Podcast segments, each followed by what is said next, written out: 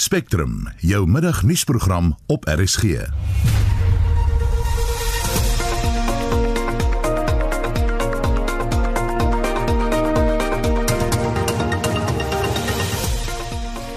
die program ons bring vir jou die jongste uit die hof waar die ANC se geskorste sekretaris-generaal Ys Magashule onder meer vra dat sy skorsing teruggetrek word. Vryheid Landbou meen die polisie neem nie plaasaanvalle ernstig op nie. Ondersoek van die polisie moet daarop gerig wees en geskoei wees om suksesvolle vervolging en fondsoplegging in die howe na vore te bring en dit moet ook as 'n afskrikmiddel dien vir enige moontlike oortreder wat dit in doel het om ernstige geweldsmisdade in hierdie land te pleeg. En Sanik sê terreur in Mosambiek die stryd aan met die ontplooiing van die streek se bystandmag. Die span in die ateljee se redakteur Marlenae Forsie, produksieregisseur Silwester Komani en ek is Susan Paxton. 5 minute oor 12 jy luister na Spectrum. Die saak waarin die geskorste sekretaris-generaal van die ANC Ys Magashule die party pak om sy skorsing tersyde gestel te kry word vandag in die Hooggeregshof aangehoor. Ons verslaggewer Abongile Dumako hou sake dop en ons praat nou met hom. Good afternoon Abongile. Hm, Lyk vir my ons het nie vir Abongile daar nie. Ek ons hoor net gou weer Abongile. Daar nee Ek vir my uh, ons het 'n probleem en ons gaan uh, kyk of ons bietjie later vir hom gaan terugkry om net seker te maak en te kyk wat alles daar aangaan. Intussen die ouditeur-generaal Tsakani Maluleke waarsku dat munisipale finansies steeds verswak. Dit is volgens haar jongste auditverslag wat toon dat meer as 27% van munisipaliteite geen versekerings het dat hulle as 'n lopende saak sal kan voortgaan nie. Sy het die verslag met die staande komitee oor openbare rekeninge bespreek en 'n ekonom van Municipal IQ, Karen Hisse sê dit is veral die gebrek aan verantwoording deur munisipale amptenare wat die finansiële wanbestuur dryf.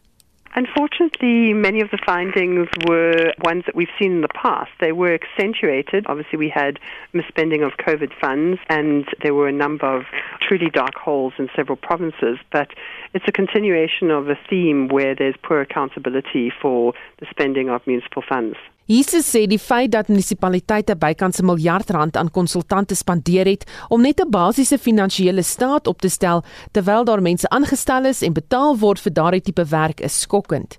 I think the key issue, and this is one that we were very much expecting, is downturn in financial position, greater vulnerability, and concerns around municipalities as going concerns.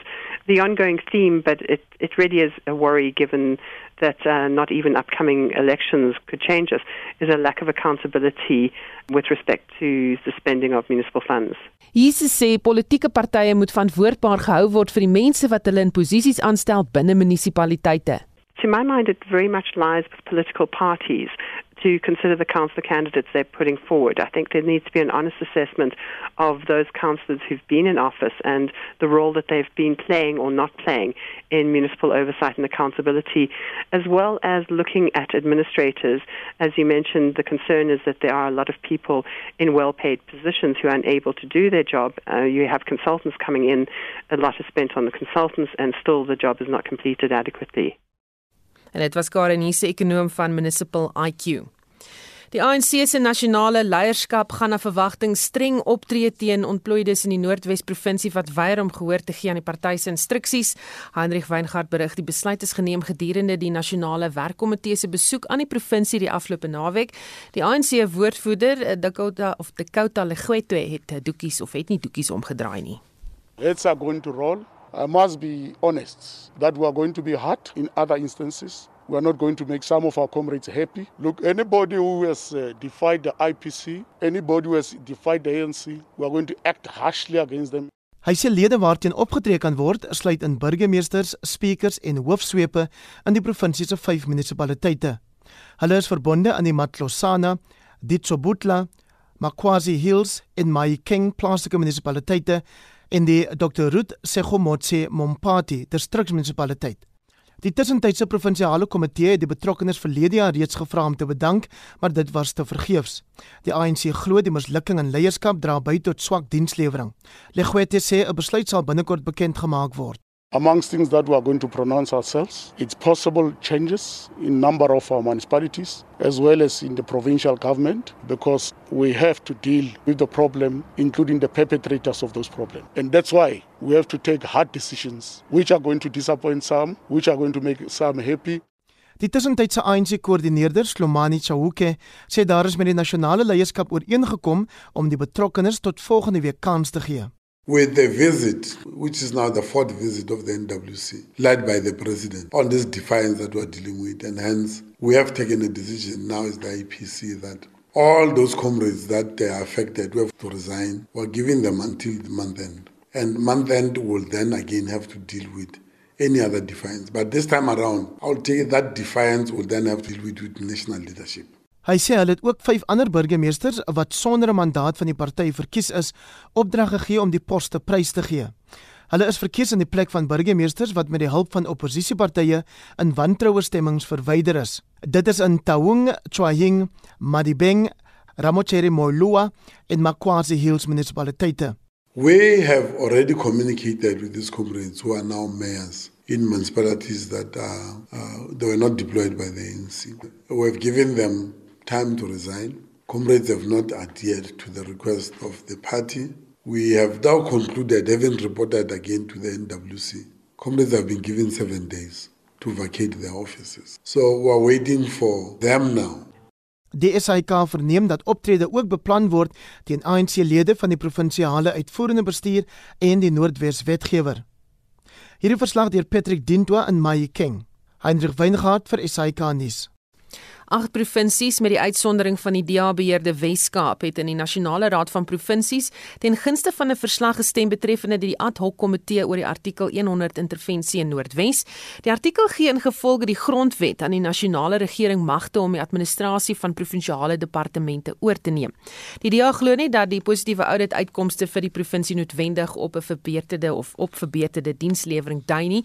'n DA-lid in die raad, Mbeleko Seleko, het aan Heinrich Weingart verduidelik hoekom die party hy so voel.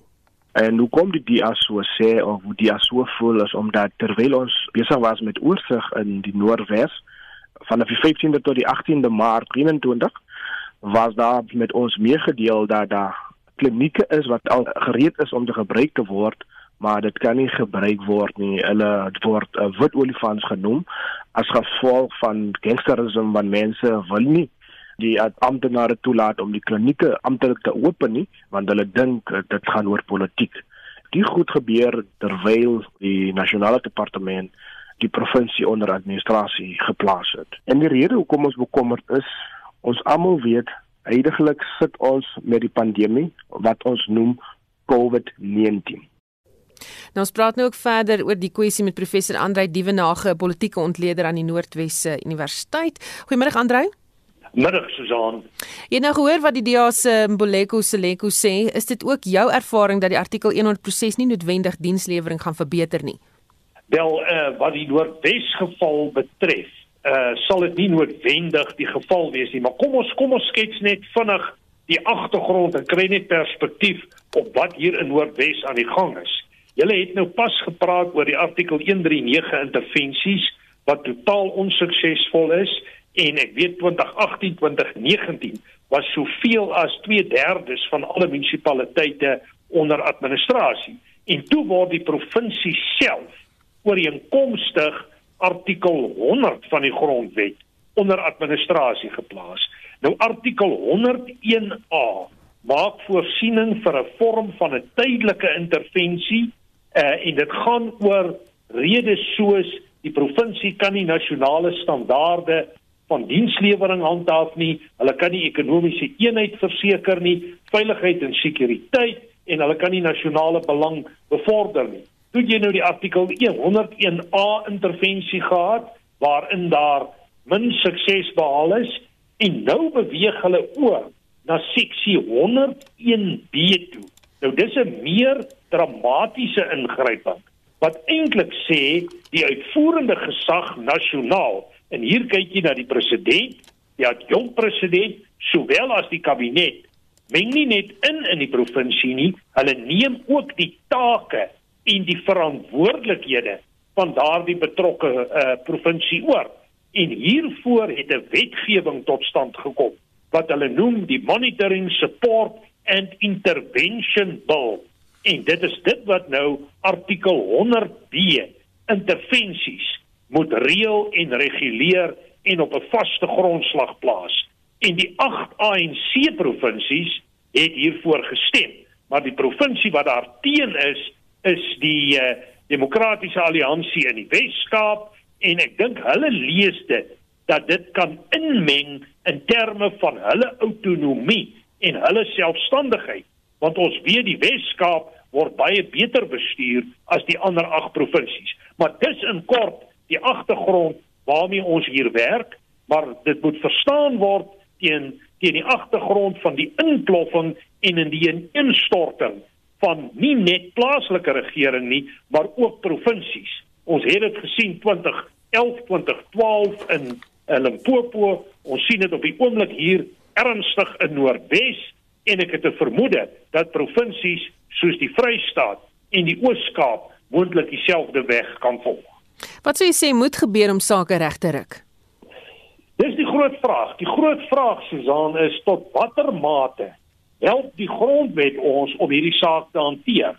En ek dink die grondwet is duidelik uitgespel, maar die toepassing van die grondwet is baie problematies en aan die wortel van hierdie probleem lê dit maar eintlik dat die ANC as organisasie homself nie kan bestuur nie dat die ANC kaders ontplooi in posisies waar hulle nie by magte is om hierdie sake wat hulle moet hanteer daadwerklik aan te spreek nie byvoorbeeld hier in Noordwes het ons geweldige faksiegevegte in van hierdie plaaslike regerings is hier tot parallelle strukture op plaaslike vlak met meer as een burgemeester.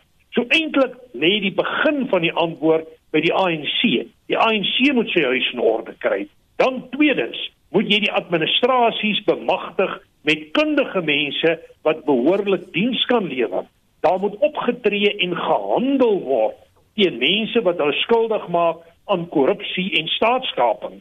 En ons het in die vorige gesprek met Chauki gehoor dat daar optrede gaan kom, maar die dit lyk asof die burgemeesters en diegene hulle nie regtig steur aan wat daar gebeur nie en weier om op sy te staan. En ons weet die groot hofsaak op die oomblik rondom Ysmagashule gaan reeds oor daai punt. So in die kern lê 'n ANC problematiek wat uitgesorteer moet word.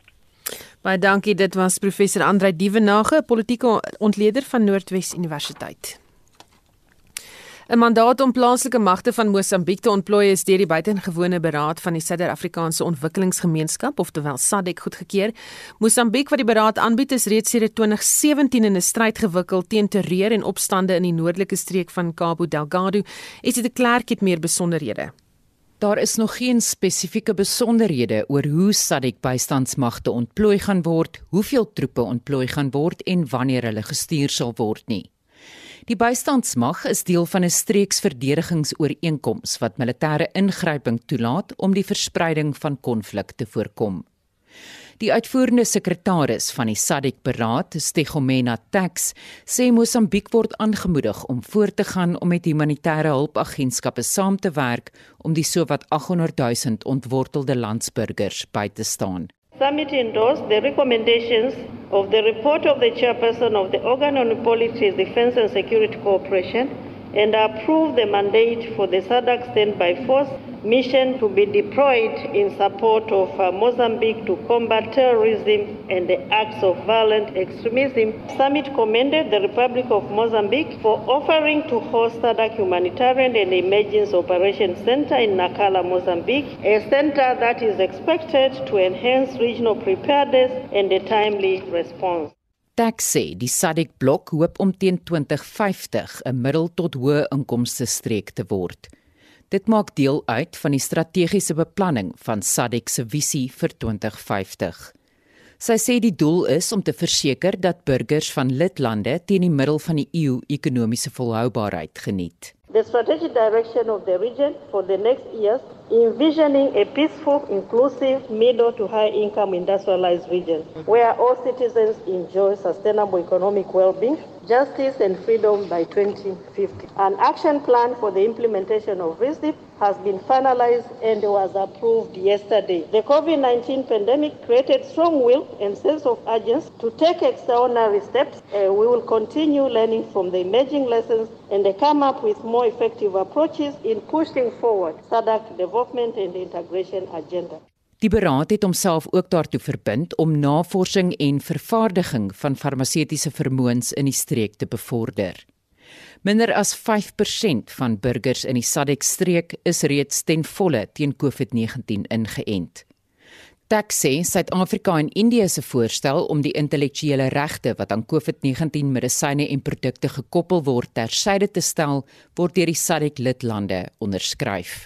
Summit called upon the World Trade Organization WTO to finalize negotiations on uh, uh, the TRIPS waiver and expedite its operationalization. Summit called for the end of vaccine nationalism and the equal access of vaccine by all countries. Summit urged all SADC citizens to continue observing Die Wêreldgesondheidsorganisasie het vroeër van dese week aangekondig dat Suid-Afrika binne die volgende 9 tot 12 maande entstowwe sal kan vervaardig.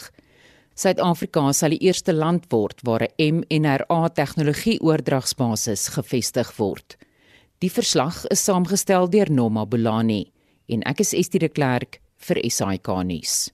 Ons bly by die nuus dat bystand magte na Mosambiek ontplooi gaan word in die land se stryd teen terreur. 'n Senior navorser aan die Instituut vir Sekuriteitsstudies in Pretoria, Liesel Louworden, sluit nou by ons aan oor die onderwerp. Goeiemôre Liesel. Goeiemiddag. Ons nog nie besonderhede bekend oor wanneer of hoeveel troepe ontplooi sal word nie, maar hoe werk die proses gewoonlik?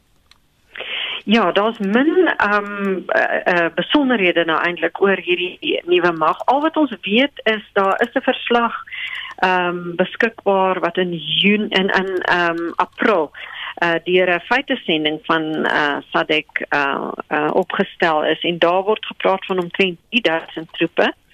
Ehm um, en dat sommige sê dit is dit is te min om regtig uh hierdie eskalerende krisis uh te bowe te kom maar goed.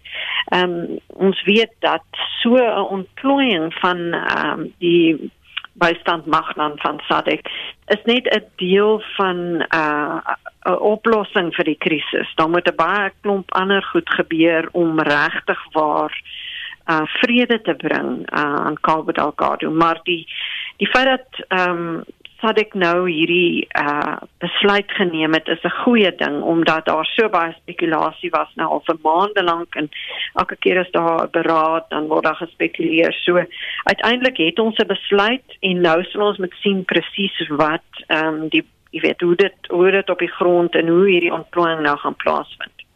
Dink jy die stap is betyds geneem? Wel ja, dit kon vroeër gewees het. Ehm um, by die ESS het ons al in Augustus verlede jaar so ehm um, amper 'n jaar gelede al in 'n verklaring gesê dit moet uh ontplooi moet moet betrokke raak, maar soos ek sê nie net as 'n uh, ingrypingsmag nie, maar ook om 'n volledige strategie daar te stel om op alle verskillende vlakke dan nou seker te maak dat hierdie ekstremisme um, in Cabo Delgado nie um heeltemal um hande uitdruk nie wat dit op 'n manier nou ek meen dit is nog steeds in die in die noordooste van Cabo Delgado provinsie maar dit bedreig al hoe meer um ander dele van Mosambiek weet in Noord-Mosambiek en en Tansanië en so aan. So um dit is definitief um dit sou dit sou uh lewens gespaar het dit sou um definitief miskien kon uh, die absolute um, destruksie wat daar was afgeweer het as as dat ek vroeër uh, opgetree het maar goed beter nou as as glad nie. Hmm. Wat gaan tans daaraan in Mosambiek? Sjoe, uh, die situasie is regtig nog baie gespanne. Daar is omtrent elke dag is daar berigte van aanvalle op en uh, mense word ontvoer, mense word onthoof, kinders word ontvoer. Um, van die VN-organisasies praat van 50 kinders wat nou al deur hierdie insurgente um, ontvoer is. Die uh um, die die gewapende groepe, die ekstremiste beheer nog 'n groot hawe stad, wel een van die belangrikste hawe stad uh, hawens daar, Mosamba de Praia.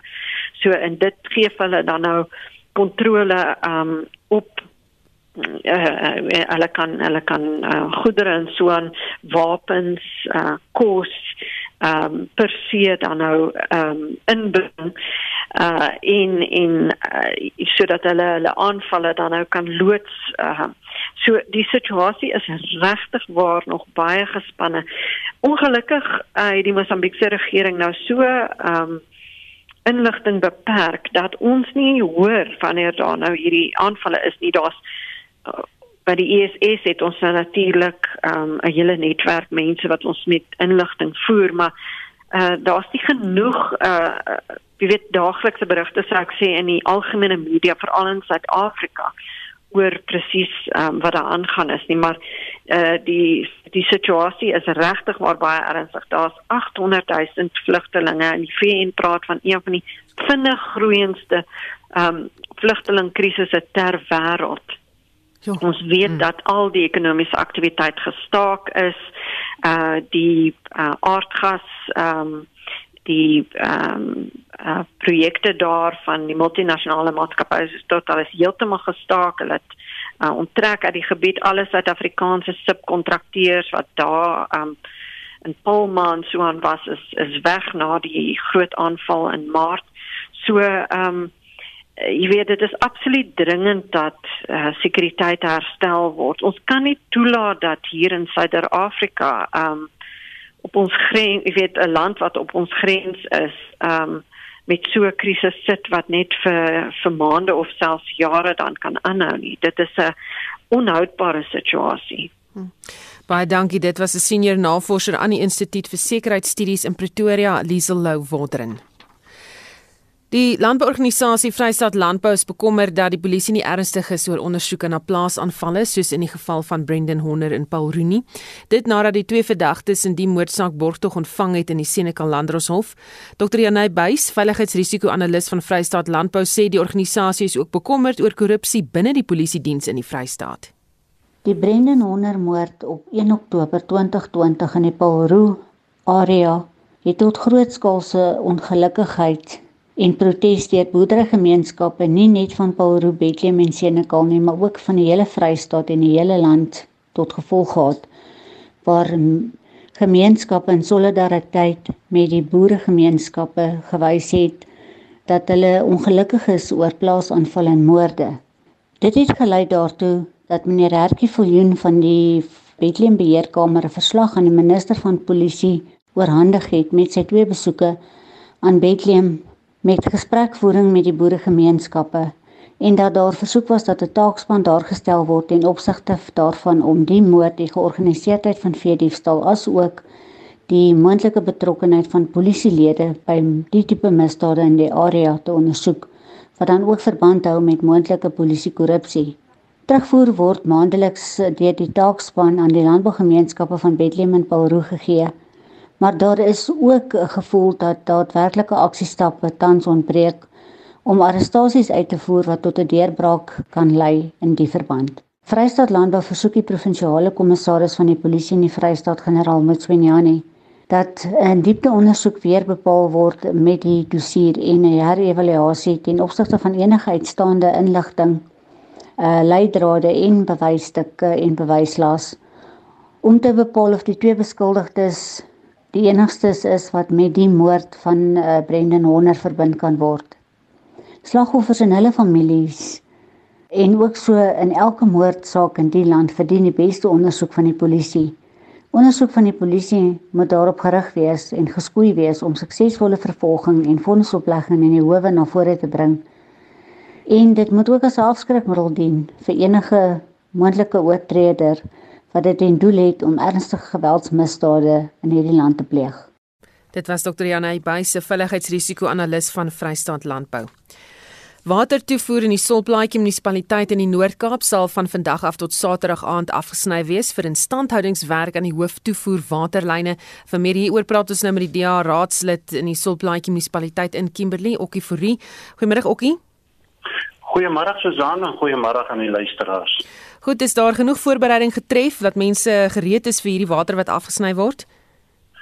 Ja, Susan, weet jy, ek was ver oggend baie vroeg op die toneel self gewees om te gaan vasstel wat aan die gang was en ek was nogal heeltemal verbaas geweest om die muurnes van bedrywighede te sien wat daar aan die gang was by die Newton Reservoir met 'n hele klomp watertankers wat al klaar gereed gestaan het en munisipale personeel en dit lyk vir my addisionele hulp wat beskikbaar gestel is wat op die toneel was en ook verskeie amptenare wat ek opgemerk het uh, daar waar die watertankers volgemaak word. En sê vir my, uh, waar gaan mense dan hierdie alternatiewe waterbronne kry? Ja, daar is al reeds in die verlede 'n uh, redelike hoeveelheid van uh, Jojo tanke reg oor die Solplaatjie gebied uh, versprei en daar is ook nou weer 'n uh, addisionele hoeveelheid aangeskaf wat dan nou ook na verskillende gebiede en dit is nou na al die verskillende dorpsgebiede waar daar regtig nood kan ontstaan is dit uh, uitgeplaas en die water sal gereedelik beskikbaar wees die waterreserwes uh is lê op 'n baie goeie vlak so daar sal nie 'n tekort aan water wees nie. En wanneer sal die water dan terug wees? Weet jy, daar is verwarring wat ontstaan by uh die algemene publiek want die boodskap wat aanvanklik geplaas was, het aangedui van die 24ste tot die 26ste uh en toe het daar 'n ongelukkige aanduiding gekom dat dit eers Sondag aangeskakel sou word, maar die waarheid rondom dit is bloot die water word vanaand om 6 uur word dit afgeskakel sodat die stelsel kan dreineer, heeltemal kan leegloop sodat die nodige herstelwerk aan die stelsel gedoen kan word en dan sal dit nou môre en oormôre geskied en uh, na verwagting sal die water dan nou weer uh gepomp word van die Riverton suiweringsaanleg na die stad toe teen son uh, en teen sonoggend behoort die gemeenskappe weer uh, water in hulle krane te hê. Baie dankie, dit was 'n uh, lid van die Solplaatjie munisipaliteit in Kimberley, Okifuri.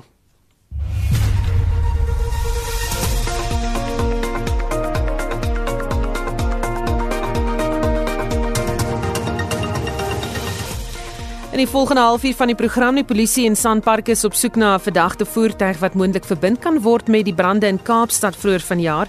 Die departement van omgewingsake het die Turkse kragskepe maatskappye se aansoek vir permitte van die hand gewys en ons bring vir jou die jongste verwikkelinge by die Zondo-kommissie. Bly ingeskakel. Die polisie in Sandpark is op soek na 'n verdagte voertuig wat moontlik verbind kan word met die brande in Kaapstad vroeër die jaar. Sandpark het vanoggend hulle bevindinge bekend gemaak na die ondersoeke na die oorsaak van die Philip Gosana Reiland brande in April vanjaar. Minstens 650 hektaar is op die hange van Tafelberg in die brand verwoes. Verskeie geboue van die Universiteit Kaapstad is ook saam met die Mostert windmeul vernietig. Rob Erasmus van Enviro Wildlife Services het die ondersoek gelei en ons praat nou met hom. Goeiemiddag Rob. Goeiemôre. So wat presies het julle gevind alles in hierdie ondersoek? Well, ons het uh, definitief bepaal waar die vuur begin het en uh toe ons dit uitgewerk het, het ons nou probeer uh, uitwerk wat die uh, wat die oorsaak van die vuur was. Ons het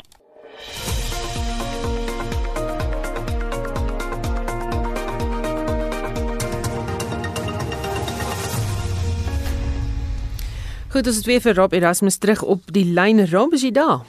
Ek is so jammer daar wat weet nie wat daar gebeur het nie. Ah, telefoonlyne. Nou goed, julle was besig met hierdie ondersoek en toe vind julle wat? Ja, so, so ons het uh, ons het bepaal waar die vuur begin het en toe ons kyk na verskillende moontlikhede hoe die vuur net uh, hoe die vuur eintlik begin het. En uh, ons het na natuurlike oorsake uh, gekyk soos ehm um, uh, uh, vallende rotse uh daai tipe ding en ons het uh, uitgewerk dat was onmoontlik dat dit dit was van 'n van natuurlike oorsake.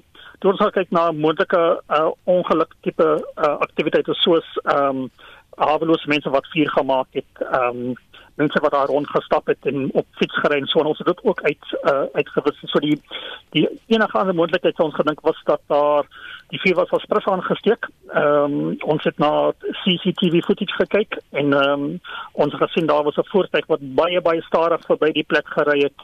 Uh 2 minute voor die vuur begin het. So ons het 'n videokamera op daai plek gehad en daar was geen aktiwiteit vir omtrent so 3 ure en 2 minute net net na daai voertuig weggetrek het het hy het die rook begin trek.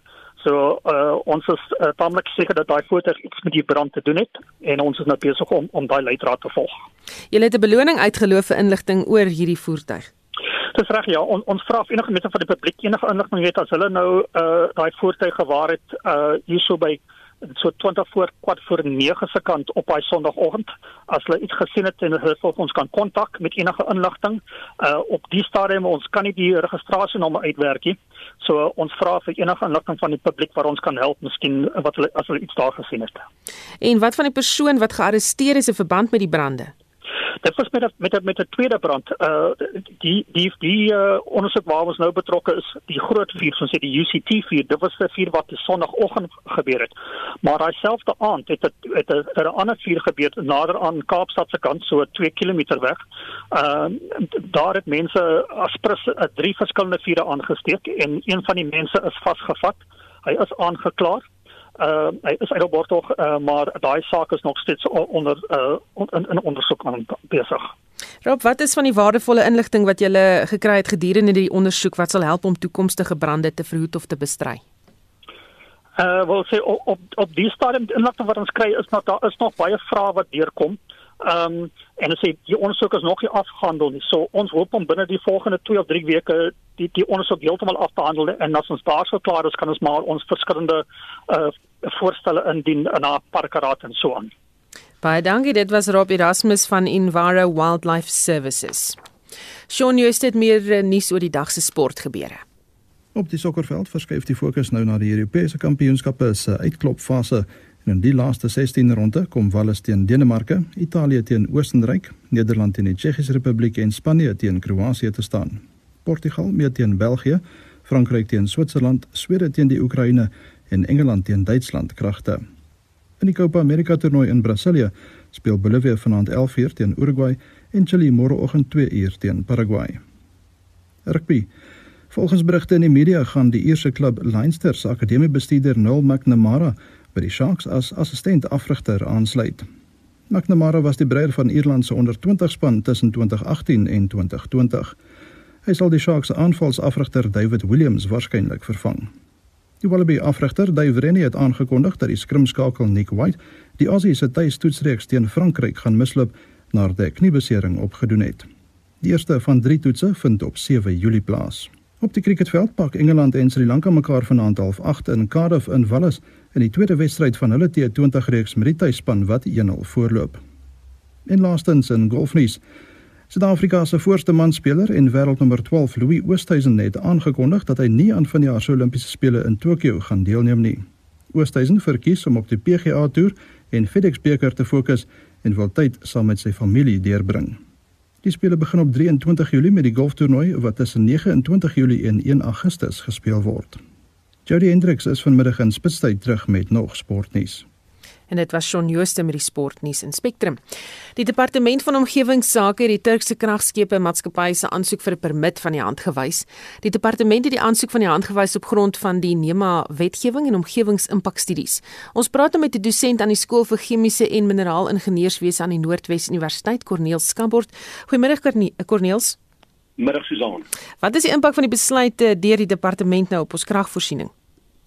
Wel, dit is goeie nuus want van die begin af was hier 'n rot wat mense moes van bewus wees en ek is dankbaar dat die burgery van Suid-Afrika opgestaan het en gesê het luister hier is sekere aspekte aan hierdie kragskepe wat nie goed is nie. So die feit van die saak is vanuit 'n omgewingsoogpunt is hierdie 'n wonderlike stap in die regte rigting. Vanuit 'n ekonomiese oogpunt gaan dit ook vir ons net voordele inhou. Nou as ek vinnig kan begin net te verwys na die omgewingsimpak. Hierdie skepe word bedryf met vloeibare aardgas. Nou aan die een kant hoor mens president Ramaphosa wat sê ons moet ons uh uitlatings moet moet afneem, ons wil meer omgewingsvriendelik wees hierdie aardgas, dit is op die einde van die dag koolstofdioksied wat in die atmosfeer ingestoot word. So daai was 'n weerspreking in elk geval regeringsvlak tussen die verskillende departemente. So daar's een ding. En dan die ander ding natuurlik net is ons sou so ongelooflik baie geld betaal het vir hierdie elektrisiteit wat vervaardig word deur hierdie skepe en dit sou vir 20 jaar basies net 'n uitgawe gewees het en die hartseer deel daarvan Susan aan die einde van hierdie 20 jaar dan sou daai skepe bloot Suid-Afrika verlaat het en ons sou geen bate op Suid-Afrikaanse grond gehad het nie. Wat is ons eintlike oplossing vir ons kragprobleme?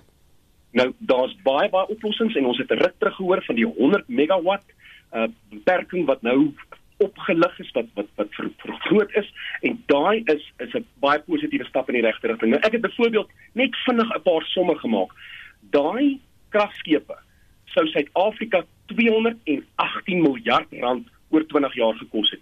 Toe kyk ek net, ek het 'n een eenvoudige soektog gedoen en toe kyk ek byvoorbeeld na 'n gekonsentreerde uh, sonkrag uh, aanleg van 'n uh, 100 megawatt kos in die omgewing daar word tans 'n Saudi-Arabiese maatskappy wat in Suid-Afrika so enig gaan opsit vir 11,6 miljard rand. Nou as jy daai 218 vat en jy kyk na die 11,6, ons kan basies dieselfde hoeveelheid energie opwek as met hierdie kragskepe vir die helfte van die koste. So wat ek wil sê is, die burgery moet wakker wees. Ons moenie maar net gelate aanvaar as die regering besluit hierdie is die rigting waarna gaan word nie. Ek dink daar's privaat ondernemings wat kan kom na die tafel toe. Ons kan goedkoper, meer volhoubare, herwinbare, hernubare energie opwek wat in die beste belang sal wees van almal in Suid-Afrika. Baie dankie. Dit was 'n dosent aan die skool vir chemiese en mineraalingenieurswese aan die Noordwes Universiteit, Corneel Skabort. Die skietery gister in Gugulethu in die Kaapse Skiereiland het vanoggend 'n agste slagoffer geëis. Die skietery het plaasgevind ten tye van 'n tradisionele seremonie, hoewel soortgelyke skietvoorvalle onlangs in dieselfde omgewing plaasgevind het, kon die polisie nog nie 'n duidelike verbintenis tussen die voorvalle vind nie, en dit het 'n woordvoerder, Brigadier Novella Potelwa aan Heinrich Weingart gesê. Through the detectives that are investigating the shooting incident, we were alerted very early this morning that an eighth victim died in hospital as a result of uh, injuries that were sustained during the shooting incident. The detectives have been liaising with the hospitals where the other victims were injured were taken to. So it adds now to the murder cases that they're investigating. Now they're investigating eight murders. Sy sê niemand is nog in verband met die voorval in hegtenis geneem nie, maar dat verskeie leidrade opgevolg word. No one has been arrested as yet, but our organized crime detectives are following several leads. They've been hard at work. They worked through the night. They are still working, and we're hoping that their hard work will pay off with the arrest of the perpetrators because this case has been given priority. As I indicated, it's not just detectives from the station. The case is handled by organized crime detectives. Die polisie kon nog nie met 'n verklaring voor in dag kom oor wat tot die voorval gelei het nie. At this point in time of the investigation, we are investigating all possibilities. Although there are instances, uh, sorry, there is information at our disposal that is pointing us at a particular direction, but at this point it would be premature of us to say that as we would want you know, to be led by the arrest that we will be making, which hopefully will be done soon. Potelwa sê die een raakpunt met vorige sulke voorvalle is dat dit gebeur wanneer 'n groep mense by 'n spesifieke woning byeenkom. You would recall very early last year 2020 in Gugulethu, I think it was NY81, where there was a similar incident where eight people were killed and with those that were taken in hospital, the figure ended up at 10 where people were attacked in a household. So similarity would be people enjoying themselves in a household, then gunmen arrive and they just shoot randomly. Dit was brigadier Novella Potelwa van die Wes-Kaapse Polisie. Hendrik Weingart vir SAK nuus. Ons verskuif nou ons aandag na die ekonomie. Die produsenteprysindeks is vroeër bekend gemaak deur Statistiek Suid-Afrika en vir die jongste praat ons nou met 'n ekonoom van die Buro vir Ekonomiese Onderzoek, Lisette Eysel de Schepper. Goeiemôre Lisette. Goeiemôre Susan. Hoe het die indeks vertoon? Die nuutste data wys dat uh, fabriekspryse toegeneem het met 7.4% in Mei 2021 en dit is bietjie vinniger as die 6.7% toename in April. Nou moet ek wel noem dat laas jaar pryse baie uh, stadiger toegeneem het uh, met net 0.4%, so dit skep 'n baie lae basis wat van uh, van jaar se syfers hoër laat lyk. Is al sektore wat vir jou uitgestaan het? Die groot bydraes was gemaak deur die petroleumsektor. As ons byvoorbeeld kyk na van die brandstofkomponente soos petrol en diesel, het hulle met tot 50% jaar op jaar toegeneem um, in Mei. So dit het 'n groot bydrae gelewer.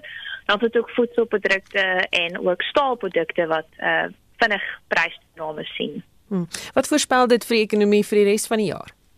Dit gaan interessant wees om te sien hoe hierdie vinniger fabriekpryse nou deurspeel na verbruikersprysinflasie. Ons het gesien uh, vroeër die week dat dit ook besig om toe te neem. Ons verwag dit kan wel bietjie hoog bly die komende paar maande, veral omdat dit laas jaar hierdie tyd so laag was, maar dan behoort pryse weer bietjie te stabiliseer en meer in lyn te wees met die Reserwebank se teiken. Baie dankie. Dit was 'n ekonom van die Buro vir Ekonomiese Ondersoek, Lisette Eysel de Schepper. Die Staatskapingskommissie het vandag getuienis aangehoor van die geskorste senior bestuurder van voorsieningsbestuur by die Suid-Afrikaanse Burgerlugvaartowerheid, Mbolelo Kinkana. Hy was ook voorheen die verkrygingsbestuurder van die Passasierspooragentskap of PRASA en Essie de Klerk hou die verrigtinge vir ons dop. Is die Kinkana se getuienis vandag hou verband met die getuienis wat vroeër voor die kommissie gegee is deur Bosasa se hoof van spesiale projekte Richard Leroux?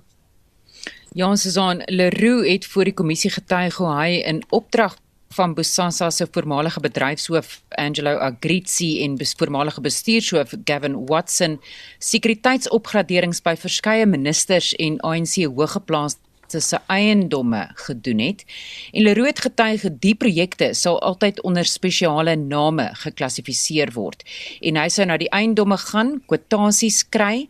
Dit sou dan deur Agrizi goedgekeur word. Hy sou kontant by Bosasa se rekenmeester kry om die aankope te gaan doen, die installerings saam met 'n span doen en dan die papierwerk na Agrizi neem. Nou wat het Leroux getuig is by Ginkana se huis geïnstalleer? Hy het getuig onder die spesiale projeknaam Project Prasa is so wat 150 000 rand se sekuriteitsopgraderings genoem en dit het 'n CCTV stelsel, 'n splinternuwe motorhek en interkomstelsel ingesluit en instandhoudingswerk aan die toerusting vir 3 maande. Kinkana het bevestig dat die toerusting by sy huis geïnstalleer is. Since I received this Then I considered that it was fitted by Musasa, but it was said these people are from a company which Sivion Dlamini was a director in.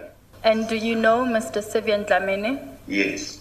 How do I you know Mr. Sivion. How do you know him? We met with Mr. Sivion Dlamini in an expo sometime in 2013-14. It was a security expo at Galaga. Hy het getuig Dlamini het nooit gesê die installasie is gratis nie en hy was bereid om daarvoor te betaal en is steeds, maar hy het nog nooit 'n rekening daarvoor ontvang nie. Nou getuienisleier advokaat Refilwe Molefe het aan Ginkana gevra of hy Bosasa se voormalige bedryfshoof Angelo Agrizzi ken. Ja, en hy het getuig hy weet net van Agrizzi deur wat hy by die staatskapingskommissie gesien het. Mr. Richard LaRue says that, firstly, you're not being honest in denying that you know or spoke to Mr. Agrizi. He says that he was present at the house on a Saturday afternoon when both Mr. Agrizi and Mr. Dlamini had a meeting with you, and that he, being Mr. Richard LaRue, waited outside the premises and only after he was requested to go in and do a survey of the house after the meeting concluded. He then says that he specifically remembers this as Mr. Agrizi fetched him, this is Mr. LaRue, in a gold Maserati and went with him to the house in order to do a survey of what security equipment is needed. I do not know Mr. Agrizi at all. I have never met him to discuss security issues at all. Ginkana se getuienis voor die kommissie duur voort en later vandag sal sy regsverteenwoordiger Leroux kruis ondervra. Baie dankie, dit was Essie de Klerk wat verslag gedoen het oor die verrigtinge by die Staatskapingskommissie. Nou, die sake nuus word aangebied deur Chris Weemeyer, portefeuljebestuurder by PSG Wealth Pretoria Oos. Goeiemôre Chris. Goeiemôre Susan. Ons sien vandag uh, die mark aanvanklik negatief oopgemaak.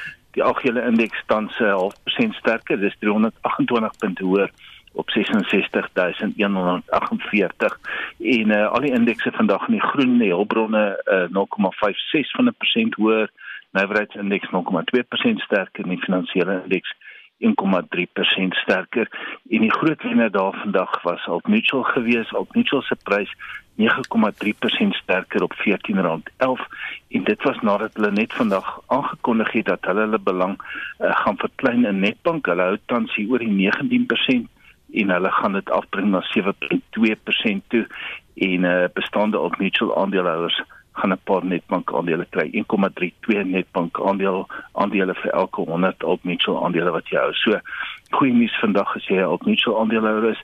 Hulbron aandele ook positief vandag. Ons sien uh, vandag Exaro uh, 2.5% sterker op R169.70 en Pala Platinum 2.5% hoër op R245.96.